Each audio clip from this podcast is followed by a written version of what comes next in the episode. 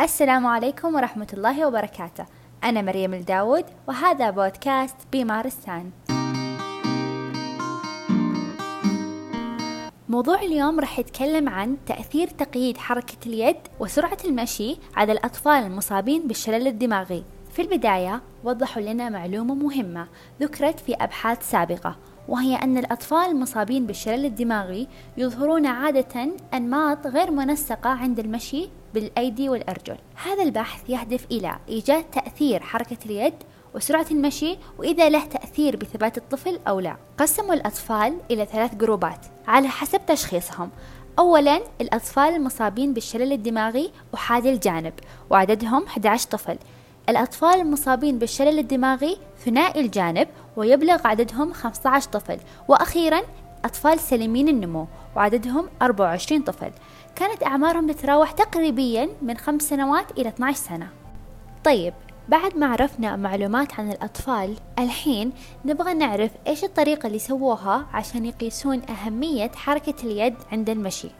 بداية طلبوا من الأطفال إنهم يسوون أربع تجارب. أول ثنتين إنهم يمشون بسرعة طبيعية وتناسبهم. مرة يحركون يدهم بشكل طبيعي والمرة الثانية يخلون يدهم متكتفة وما يحركونها. أما التجربتين الأخيرتين كانوا يخلونهم يمشون بسرعة عالية قد ما يقدرون. مرة يدهم متكتفة والمرة الثانية يدهم تتحرك بشكل طبيعي. والتجارب الأربعة هذه كلها كانوا يخلونهم يمشون بخط مستقيم على مدى عشرة متر. وبعد انتهاء التجارب النتائج كانت مبهرة. الدراسة هذه وضحت أن عدم تحريك اليد راح يؤثر على الاستقرار والثبات. أثناء المشي عند الأطفال المصابين بالشلل الدماغي ثنائي الجانب أكثر من الجروبين الثانية. ثانيا الدراسة وضحت عدم وجود أي فائدة من زيادة سرعة المشي في تأثيره على الثبات ولكن وجدت أن سرعة المشي من الممكن أن تقلل حركة الجذع عند الأطفال المصابين بالشلل الدماغي وحاد الجانب أكثر.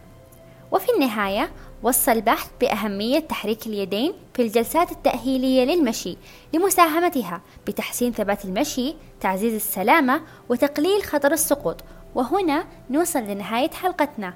فريق بمارستان يشكركم على استماعكم.